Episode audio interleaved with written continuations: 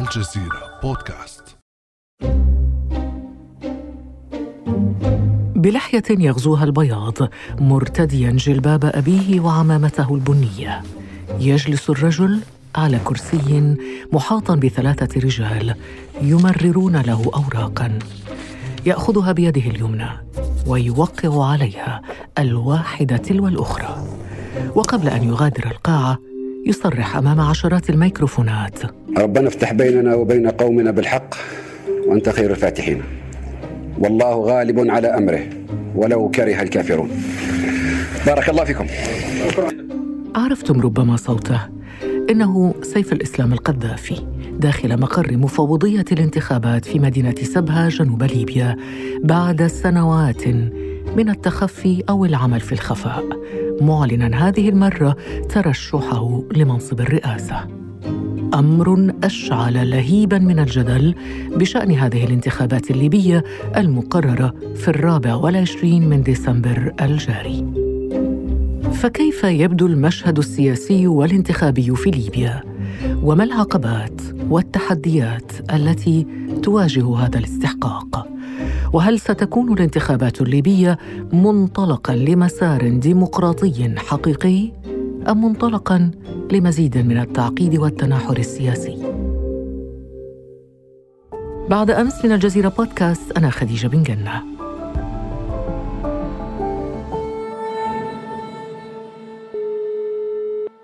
أسعد وأرحب بالأستاذ نزار كريكش مدير مركز بيان للدراسات. صباح الخير أستاذ نزار. يا صباح النور أهلا بك أستاذ خديجة. يا مرحبا. أهلا وسهلا بك وسعداء بك في هذه الحلقة التي نتناول فيها المشهد الانتخابي والسياسي في ليبيا. بداية أستاذ نزار كريكش لو نحكي للمستمعين قصة هذه الانتخابات والمشهد كما يبدو المشهد السياسي والانتخابي الآن في ظل هذا الاحتقان، كيف يبدو قبل موعد الانتخابات المقرر في الرابع والعشرين من ديسمبر؟ يعني هو ضمن المشهد الليبي الآن أصبح يعني أكثر ضبابية. يعني كان نستنى في في الحل من هذه الانتخابات لكن يبدو أن السياق والبيئة غير مهيئة لأن لم تجرى إجراءات صحيحة ولم يعني نأخذ الخطوات السليمة لأن تكون الانتخابات تتويج لمصالحة وتتويج لصلح بين الليبيين. فاستغل هذا الانتخابات وأصبحت هي ورقة سياسية أكثر من من كونها يعني نظام سياسي جديد ينظم العملية السياسية، يعني نحن ببساطة دخلنا للمباراة على أساس ان في حكم لكن هذا الحكم غير موجود وأصبحنا كل فريق يحاول أن ينال من الفريق الآخر دون أي وجود لقواعد سياسية، وهذا طبعا نتيجته طبيعية ما نراه الآن من مشاكل ومحاولة لاستغلال الوضع السياسي. هذا تبسيط وتسهيل لنفهم هذا المشهد أنه نحن أمام مباراة بفرق تلعب داخل الملعب ولكن بدون حكم. لماذا غاب الحكم؟ أليست المفوضية يفترض أن تكون هي الحكم؟ والله واظن ان ام رامي المشهد يعني هو الاسباب اللي خلت ما فيش قواعد حاكمة. أولها يأتي من المقاربه للأمم المتحدة. يعني أقصد أن الأمم المتحدة في كل النزاعات السابقة هي لا تحب هذه القواعد لأن هذه القواعد تخفف أو تصعب من التدخل الخارجي، يعني لما أنت تضع قواعد إذا سيحتكم الجميع سواء الداخل أو الخارج لهذه القواعد. الأمر الثاني ان إن مجلس النواب أراد أن يتفرد بالسلطة، أراد أن يصدر هو القرارات والقوانين وهو في حالة نزاع يعني في صراع في البلد بين شرق وغرب. فلا يستطيع أحد الآن أن يدعي أن هناك يعني هناك شرعية مطلقة في ليبيا، لذلك في المراحل الانتقالية يعني في عالم اجتماع مشهور اسمه تشارلز تيلي يقول إن الشرعيات في المراحل الانتقالية هشة، ما فيش حد الآن يحترف اعتراف كامل بمجلس النواب ولا يحترف بحفتر ولا يحترف بدبيبه، الحقيقة على الأرض إن ما فيش ثقة بين الأطراف، فإن حد يحاول أن يستفرد بالقرار اذا هو يريد أن يفرض قوانين اللعبة ولن يسمح له بذلك. اذا الأمم المتحدة ومقاربتها استفراد مجلس النواب محاولته لممارسة السلطه. في في هشاشة لشرعيته الموجودة أصلا بعد ذلك تنظر إلى إلى إلى الواقع الأمني لأن هناك الآن أصبح ميليشيات في المنطقة الشرقية ميليشيات تابعة للسيف والدراما التي ذكرتيها هي قصة دراما حقيقية للسيف كيف؟ بقي في الزنتان لسنوات؟ وكيف أقنع السجانين بشخصيته؟ وكيف هرب إلى مدينة السبها وكيف؟ هذا هذا يعني خلى هل هل تفاجأت أنت شخصيا نزار كريكش؟ هل تفاجأت بترشح سيف الإسلام القذافي؟ لا طبعا بعد لقاء نيويورك تايمز اللي هو عمله في الزنتان أصبح واضح أنه موجود لأن كانت في معلومات أنه هو يعني قصة دراما هو موجود في السجن وأصبح يناقش في هؤلاء السجانين، أصبح يحاول أن يتصل بالخارج يحضر لهم أموال آه، ثم فتحوا له الباب واصبح هو قادر على الحركة والعمل السياسي. فهذا كله يخليك أنت في ليبيا كانك أمام شبكة متشابكة من العلاقات هي التي تحرك في القوانين والإجراءات والمشهد السياسي الكبير. هذه الشبكة يعني كأنك أمام فيلم فيلم هوليوودي يعني أنه الناس تتساءل أنه إذا كان ابنه سيعود لماذا أصلا تم التخلص من من والده؟ نعم هي كانت يعني على الأقل اللي يقولوا تعودنا عليه القذافي يعني تعودنا على الجنون تعودنا على سلوكه تعودنا. فبالتالي أنت الآن صعب جدا العودة إلى طرابلس بهذا بهذه الطريقة. فالمشهد فيه تشابك فيه في حالة من العلاقات الغير سوية. تجعل أي قانون غير غير قابل للتطبيق. طيب أي شيء غير قابل للتطبيق ولكن أصبح كل شيء بصراحة قابل للتطبيق لأنه اليوم نرى أسماء مثل سيف الإسلام القذافي نرى خليفة حفتر نرى عقيلة صالح نرى أسماء أخرى موجودة في القوائم الانتخابية في عفوا في المترشحين. لو ترسم لنا خارطة المترشحين آه، مناطقيا وقبليا وسياسيا أستاذ نزار. نعم هو اظن الآن في في ثلاث مرشحين بارزين يعني حتى لما آه، تشوفي على تحليل الشبكات الاجتماعية ونحن نقوم بذلك يعني دوريا كل أسبوع تشوف ال Google Trends تشوف تويتر تشوف فيسبوك كيف الناس تتفاعل. حتشوفي ثلاث مرشحين أساسيين اللي هو رئيس الحكومة الوحدة الوطنية عبد الحميد الدبيبه سترى أمامك خليفة حفتر اللي هو اللواء المتقاعد في الشرق واللي هو المسيطر على المنطقة الشرقية وكذلك سيف القذافي في الجنوب. آه، الانتشار لسيف هو موجود تقريبا في كل مناطق ليبيا ولكن بنسب بسيطة يعني من 6 إلى 7% آه، تجد في كل مكان هناك بحث عن عن طريق جوجل على سيف. فبالتالي هو موجود هو هذا أعطاه أعطاه ميزة. عبد الحميد بيبة موجود في الجبل الغربي مناطق غريان وجبل نفوسة ومصراتة وطرابلس. وفي بعض المناطق في المنطقة الشرقية زي طبرق والمرج. خليفة حفتر موجود في الشرق موجود أكثر شيء موجود في الشرق ولكن أقلهم حظا هو خليفة حفتر يعني حتى في الاستطلاعات اللي يقوموا بها أسبوعيا حتجد أن سيف يحاذيه إلى حد ما عبد الحميد الدبيبة ثم بعد ذلك خليفة حفتر طبعا جيلة صالح مش موجود؟ هو ولا ولا حد يذكر ولا يعني عبد القيل صالح يعني قبيلته فقط. وحتى في المجلس النواب ترشح ب 718 صوت يعني من أصل 7 مليون. فهو غير موجود ولا بشاغه ولا أغلب المرشحين هم غير يعني احصائيا غير قابلين للقياس لأن ما فيش أصوات حقيقية لهم. نعم اذا الأقطاب الرئيسية اذا الأقطاب الرئيسية هي عبد الحميد الدبيبة وسيف الإسلام القذافي وخليفة حفتر. نعم. آه هذا هو الصح وخليفة حفتر في الشرق وسيف الإسلام القذافي في الجنوب وعبد الحميد دبيبة في طرابلس وما جاورها. نعم نستطيع يعني بهالطريقة ممكن نفهم المشهد يعني مقسم بهذا الطريقة. مع ان مع إن السيف موجود في كل مكان. لأن أنا يعني بس بنسبة يعني أنصار النظام السابق موجودين فيه.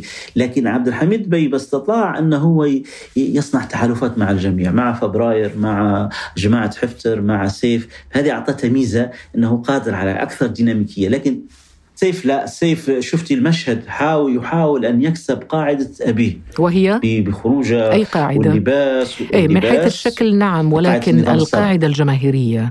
طبعا من من حيث الشكل هو يتقمص طبعا شخصية آه، آه، والده ولكن القاعدة الجماهيرية التي يغازلها آه، إن صح التعبير سيف الإسلام القذافي من هي؟ هي هذه القاعدة القاعدة الصقور من أنصار النظام السابق اللي ما زالوا ينظروا للأمر آه، أيديولوجيا وذكر ذلك في في في آه، في آه، في لقاء في نيويورك تايمز قال بأن العالم الآن أصبح يصل إلى أفكار أبي. يعني إن الان العالم تطور تطور ووصل إلى فكرة الكتاب الأخضر والنظام الجماهيري. فالرجل يخاطب هؤلاء وإنه هو مازال بفكرة يعني النظام كأنك يا أبو زيد ما غزيت هؤلاء اللي لا والداهيه إنه هو والله غالب على أمره ويقول ولو كره الكافرون. يعني يعني وهذا خطيرة في مسار سياسي يعني. طيب هو وراءه كما قلت سيد نزار صقور النظام السابق. لكن المعسكر الآخر أين هو؟ يعني لا نرى ثورة 17 فبراير التي أطاحت بنظام والد سيف الإسلام. لا نرى يعني لها مرشحا في هذه الانتخابات. إلى ماذا تعزو هذا الأمر؟ هو أظن أن عبد الحميد بيبه الآن اقترب تماما من فبراير. يعني هو صحيح الرجل يعني كان رجل آه، يعمل في مشروعات الدولة وممكن نسميه businessman لكن أثناء تواجده الآن هو قريب جدا من من من من ثورة 17 فبراير وقريب جدا من الثوار وفي تحالفات وعمل عملت تنسيقية للقوى الثورية في المنطقة الغربية وحضرها علي دبيبه اللي هو نسيب آه، عبد الحميد الدبيبة هو يعني المحرك الحقيقي في ناحية الأعمال ومن ناحية ال business. آه، ففي تواجد حقيقي. بالعكس 17 فبراير الآن في المنطقة الغربية هي كل شيء. هي في, في, الاستخبارات في الجيش في المؤسسات. يعني فعلا صبغت المنطقة الغربية.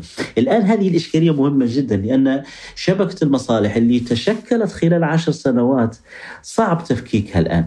يا إما أن تدخل في هذه الشبكة يا إما سيف كيف يبدأ يتعامل مع هذه الشبكة ويدخل فيها وإما انه هو يظل خارجها. وهذا ما حير حتى الثورات المضادة وحير الناس اللي أرادوا الدخول في في في المسألة الليبية. وجدوا أن هناك شبكة مصالح. وليبيا اقتصادها يسمح بهذا الأمر. بمعنى اقتصادها الريعي يجعل الأموال التي تأتي من النفط توزع على هذه المؤسسات وتصبح العقود مع هذه المؤسسات هي مصدر الدخل. فأي شخص يريد أن يصل للسلطة عليه يفكك هذه الشبكات. ومهما كان انتماءه يعني ما انتماء فبراير مع مع حفتر لكن هو لما يدخل في هذه الشبكة تصبح كشبكة العنكبوت لا يستطيع أن يدخلها أحد لذلك السيف حظوظة صعبة الآن في ليبيا تعتقد حظوظة صعبة؟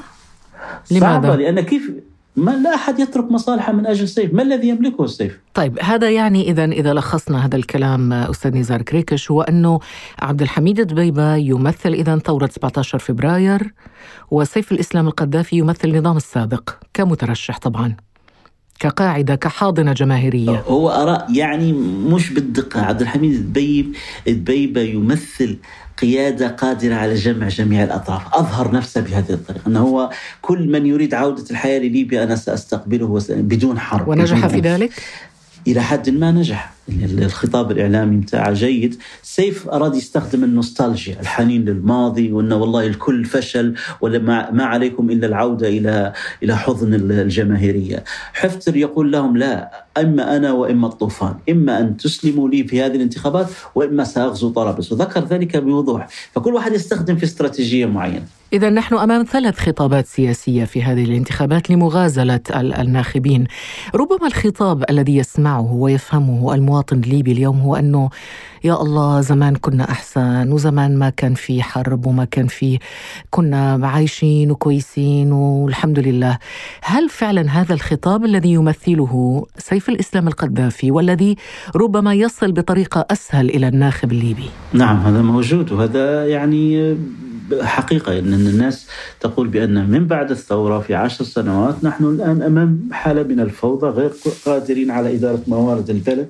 طبعا لكن نسبة أقل لأن لأن لا لا تنسي فكرة المصالح وفكرة الشبكات. هذه الشبكات ليست فقط للنخب استفاد منها حتى يعني درجات أقل وأقل. الآن أمام سلطات جديدة في المنطقة الغربية. فهي تعرف بأن فكرة أن والله العودة للاستقرار مع سيف هي فكرة يعني تستخدم سياسيا سياسيا وليست حقيقة لأن لا يستطيع أحد أن يلوم شعث الليبيين الآن والسلاح وهذه المشاكل. وشافوا حفتر خليفة حفتر نفس الطريقة قام بنفس السيناريو. يعني جاء وقال لنا والله حنحل المشاكل وحنعمل كل شيء وحنقضي على الإرهاب ونع... لكن بنغازي الآن ليست مستقرة قطعا يعني ما فيهاش. لكن من المهم أن نعرف أيضا أستاذ نزار الغرب يقبل بمن من هذه الأسماء؟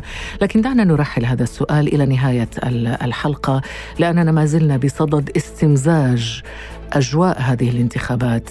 التحديات والعقبات التي يمكن أن تواجهها أيضا وهي كثيرة بداية من احتمال عدم القدرة أصلا على تنظيم الانتخابات في توقيتها المحدد بسبب من يعني وجود من يرفض حتى مسار الانتخابات برمته كما هو حال خالد المشري رئيس المجلس الأعلى للدولة. لنستمع إليه. نريد انتخابات مبنية إما على دستور أو قاعدة دستورية ونريد تنظيف السجل الانتخابي حتى يظهر على حقيقته ونريد مشاركة أوسع ومن غير هذه الاشتراطات فإنني وبشكل شخصي لن أكون جزءا من العملية الانتخابية لا كناخب ولا كمترشح. استمعنا إلى خالد المشري رئيس المجلس الأعلى للدولة وهو يرفض مسار الانتخابات برمته. لكن هناك أصوات تنادي ب أو تؤيد هذا المسار مثل عقيلة صالح رئيس مجلس النواب المتمسك بإجراء هذه الانتخابات. لنستمع. أن صناديق الاقتراع هي الفيصل والحكم لتحقيق إرادة الليبيين في من يحكم ليبيا في المرحلة القادمة ونؤكد على ضرورة المشاركة الجادة وبكثافة في الانتخابات الرئاسية والبرلمانية حتى تظهر إرادة الليبيين للعالم أجمع في اختيارهم بإرادتهم الحرة لمن يرأس البلاد في المرحلة القادمة.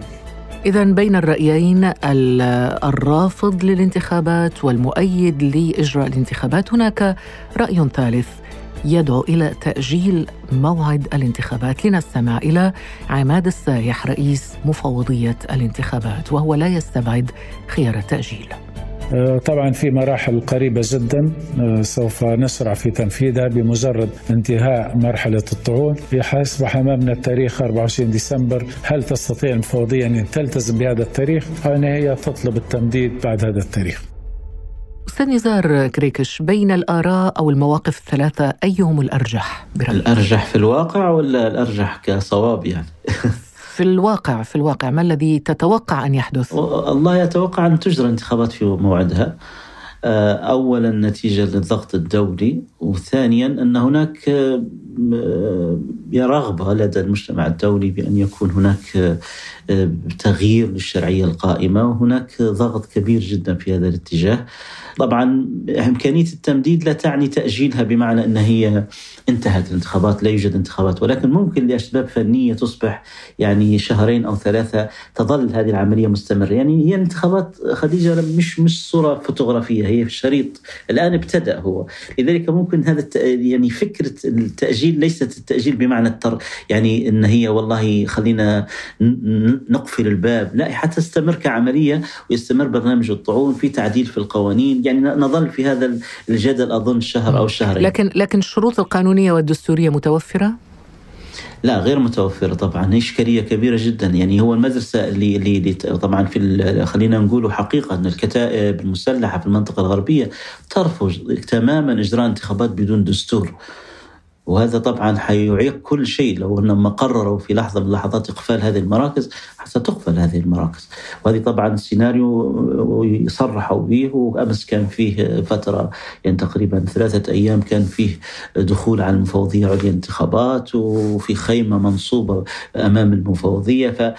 ففي مدرسة الدستورية خلينا نسموها أو المقاربة الدستورية قوية ليست ضعيفة. لذلك أظن حتى المجتمع الدولي بدأ يقول بأن لا نريد أن ندخل في انتخابات ونجد أنفسنا في مشكلة أخرى فأظن أقرب سيناريو هو ولكن ولكن المجتمع الدولي والقوى الدولية والإقليمية كلها تدفع باتجاه تنظيم الانتخابات أليس كذلك؟ كان هذا الأمر. لكن في الاجتماع الأخير مثلا في مجلس الأمن كان في تباين الآراء كان في تصريحات للسفير الأمن البريطانية بأن لا يمكن إجراء انتخابات لأن لا نعرف العواقب لن يقبل الجميع بهذا النتائج. كان فيه ندوة كبيرة في في ال Middle East عن عن ليبيا وكان في تصريح من من الاتحاد الأوروبي بأن لا نريد هذه الانتخابات أن تكون سبب في حرب جديدة لأن لا ننسى أن حفتر الآن يعد لهذه لهذه الحرب وصرح بذلك وفي تأتي معلومات عن أسلحة تأتي. ففي تربص حالة تربص تجعل الجميع لا يريد يعني خديجة آه كم أخشى غدي هذا وأرجوه اقترابا. وما يريد هذه الانتخابات. ولكن إيش يعرف أنها ممكن تكون سبب له من ماذا لو لم ينتصر حفتر في الانتخابات؟ ماذا لو لم ينتصر سيف؟ ما الذي سيحدث لكل هذه الكتائب المسلحة الموجودة في الشرق؟ كيف يمكن أن تستقر البلد؟ كل هذه الأسئلة أصبحت يعني تعلو على السطح. لذلك لا يعني هذا أن تؤجل الانتخابات إنما يبدأ في تعديلها رويدا رويدا بمعنى أن يحدث يستفاد من الاستقرار النسبي الموجود الآن لإيجاد أفضل فرصة لإجراء الانتخابات في بيئة سياسية مناسبة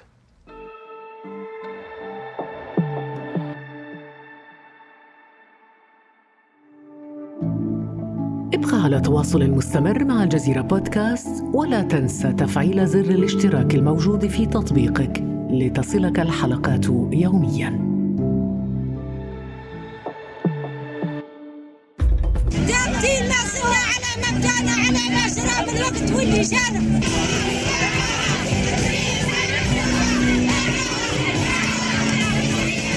فالمجتمع الليبي رفض فبراير وزال يرفضها وهي الآن تحتضر.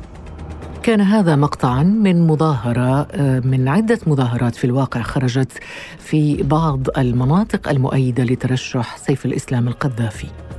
بينما لم يتورع مسلحون ينتمون لقوات حفتر من استعراض قوتهم أمام محكمة سبها وتعطيل عمل المحكمة لعدة أيام قبل أن يقرر القضاء إعادة كل من سيف الإسلام وخليفة حفتر وعبد الحميد الدبيبة إلى السباق الانتخابي. أستاذ نزار كريكش كل هذه الأجواء المنقسمة أو الانقسامية تدفعنا للتساؤل عن مخاطر وتبعات وتداعيات تنظيم هذه الانتخابات على ليبيا وعلى الليبيين. كيف تراها؟ نعم هو يعني لو لو عدنا مثلا للنزاعات الدولية اللي جرت فيها انتخابات كان بعد هذه الانتخابات في أغلبها في حرب باستثناء البرتغال عام 1974 كانت أنغولا انتخابات 1996 كانت حرب بعدها المذبحة في بروندي كانت 94 كانت بعد انتخابات العراق 2005 أفغانستان 95 الآن أفريقيا الوسطى كان فيها انتخابات قبل أيام يعني. وكان في الآن في مشكلة كبيرة جدا بين روسيا وفرنسا لأن روسيا تدعم السلطة الحاكمة وفرنسا تدعم المعارضة ودخلت البلد. العراق العراق الآن في مشكلة من والجار القريب إلى ليبيا الجزائر سنة 91 كانت أيضا بعد الانتخابات. نعم مشكلة كبيرة كانت في, في الجزائر. فأنت يعني أمام مجتمع دولي محير يعني تحتار خديجة كيف يعني نفس المقاربة ونفس الطريقة والإصرار على الانتخابات ومع أن المؤشرات كلها واضحة أن العواقب ستكون وخيمة. يعني تقصد أستاذ نزار أنه ما بعد الانتخابات قد يعقد الوضع، قد يؤدي إلى حرب بناء على الأمثلة التي قدمتها قبل قليل، يعني هل هذه الانتخابات منطلق لحل مشكلة أم لتعقيد مشكلة اذا؟ أظن أن لم تجرى بطريقة صحيحة بأن يكون قبلها مصالحة وعدالة انتقالية وقانون انتخابات صحيح. قد تكون سبب لتمديد هذه المشكلة وإما جمود سياسي وإما يعني تستعر نار حرب لكن لن تكون حرب داخل ليبيا ستكون حرب إقليمية.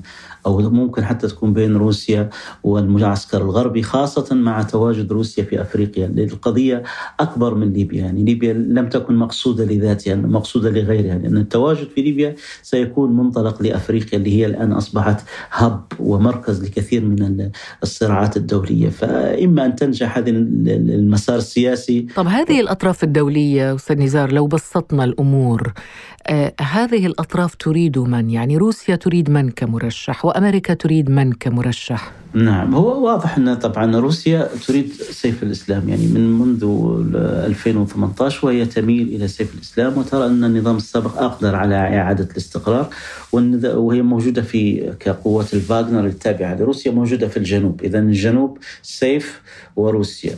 في المنطقة الشرقية خليفة حفتر حاول أن يصنع تحالفات مع روسيا مع الجميع لكن الآن هو يمثل معسكر فرنسا ومصر وإلى حد ما والإمارات كذلك. آه، روسيا ترى في إمكانية التحالف بين حفتر وسيف لكن حفتر رفض هذا التحالف بناء على بعض التقارير بأن حاولوا التوفيق بين حفتر وسيف كمعسكر واحد لكن حفتر ما زال يرى في نفسه يمثل يعني تيار بنفسه وأنه حتى ويرى ابنه يرى أنه قريب من فبراير وغيره يعني. آه، ودبيبة من يريده؟ نعم يريده طبعا. تركيا وبعض الدول الغربية مثل إيطاليا مثلا المملكة المتحدة بريطانيا ترى بأن إمكانية يعني ترشيح عبد الحميد الدبيبة أو أن يكون على الأقل شخصية غير جدلية موجودة. يعني في سيناريو طبعا مطروح الآن في الشارع الليبي خديجة أنه هو يأتي شخص غير معروف. يعني شخص ليس من هؤلاء الثلاثة فبالتالي نفس فايز السراج لما كان في صراع في اتفاق الصخيرات 2016 وكذا كان الكل يتحدث عن أقطاب الصراع. فخرج آه، من قمقمه فائز السراج شخصية غير معروفة ليست له أي ماضي سياسي فبالتالي يحدث حالة من الاستقرار آه، يعني آه، يمكن أن يعني يمكن من خلالها تقبل شرعية جديدة. لكن ربما فات الأوان الآن لخروج قطب رابع كطريق ربما طريق مختلف. هو طبعا كل توقعات لا أظن أن الآن أحد في ليبيا يعني في مثل نظام بهذا الفوضى يقول أنا أتوقع أن يحدث كذا وكذا لأن فعلا هي شبكة معقدة والحلول الدولية لم تزد ليبيا إلا تعقيدا لأن الطريق واضح هو دستور وعدالة انتقالية ومصالحة. هذه هذه الشروط الثلاثة غير متوفرة. لا توجد قواعد للعبة. لا يعني ما دام الفريقان يلعبان في الملعب بدون حكم فهناك أخطاء وفي هناك يعني كثير من المشاكل ستحدث. والمجتمع الدولي يخاف طبعا المقاربة كيف؟ أن تريد أن تحدث حالة من الاستقرار النسبي وتبني عليها. هذه مقاربة دولية. لا تريد أن تحل جذور المشكلة ما يسمى بالتحول النزاع. يعني في تسوية النزاع يعني أنا وابني عامل مشكلة آه، يعني مثلا ابن وابن عاملين مشكلة مع بعضهم البعض أوكي خلاص كل واحد يكون في غرفته وما يفكون من مشاكل. لا يريد هذا الأب أن يجلس مع ابنيه وما المشكلة وكيف نحلها وما أصولها. فيظل النزاع موجود. طبعا لما يقوم الأب بهذه الطريقة؟ يقوم به لأنه يريد أن يتحكم فيها في أبنائه يريد أن يتحكم في اللعبة. لو تحل المشاكل بينهم ممكن هم الاثنين حيرفضوا أبيهم هذا الطماع اللي هو يحاول أن يعني يستفيد من الوضع ككل هذا مثال يعني جميل هذا يعني يسهل علينا الفهم وأنك تذكرني بنكتة ولكنها معبرة في الواقع عن الواقع الليبي وهي أنه زوج وزوجة لها أولاد من زوج سابق وله أولاد من زوجة سابقة ودخل البيت وجد البيت منكوش وحالته حالة كما نقول فقال لها ما الذي حصل؟ قالت له أبنائك وأبنائي ضربوا أبنائنا. فشكل الوضع الليبي معقد لهذه الدرجة. أيوة. طيب موضوع التأجيل مطروح الآن حتى نختم هذه الحلقة تتوقع أن يوم 24 ديسمبر ستجرى الانتخابات هو الانتخابات كانتخابات ان يذهب الناخبون للتصويت أظن لن تحدث ولكن سيكون هناك إجراءات جديدة سيقولون نمدد لفترة معينة لأسباب فنية وندخل في هذا المسلسل تأجيلات إلى حين على الأقل إصلاح الأعضاء الموجودة في القانون وفي المؤسسات وفي شروط الترشح. ممكن بهذه الطريقة تمطيط للأمر. بهذا نأتي إلى ختام هذه الحلقة. نشكرك جزيل الشكر الاستاذ نزار كريكش مدير مركز بيان للدراسات. كنت معنا من إسطنبول. الله مع السلامة. شكرا. بارك الله شكرا لك. كان هذا بعد أمس.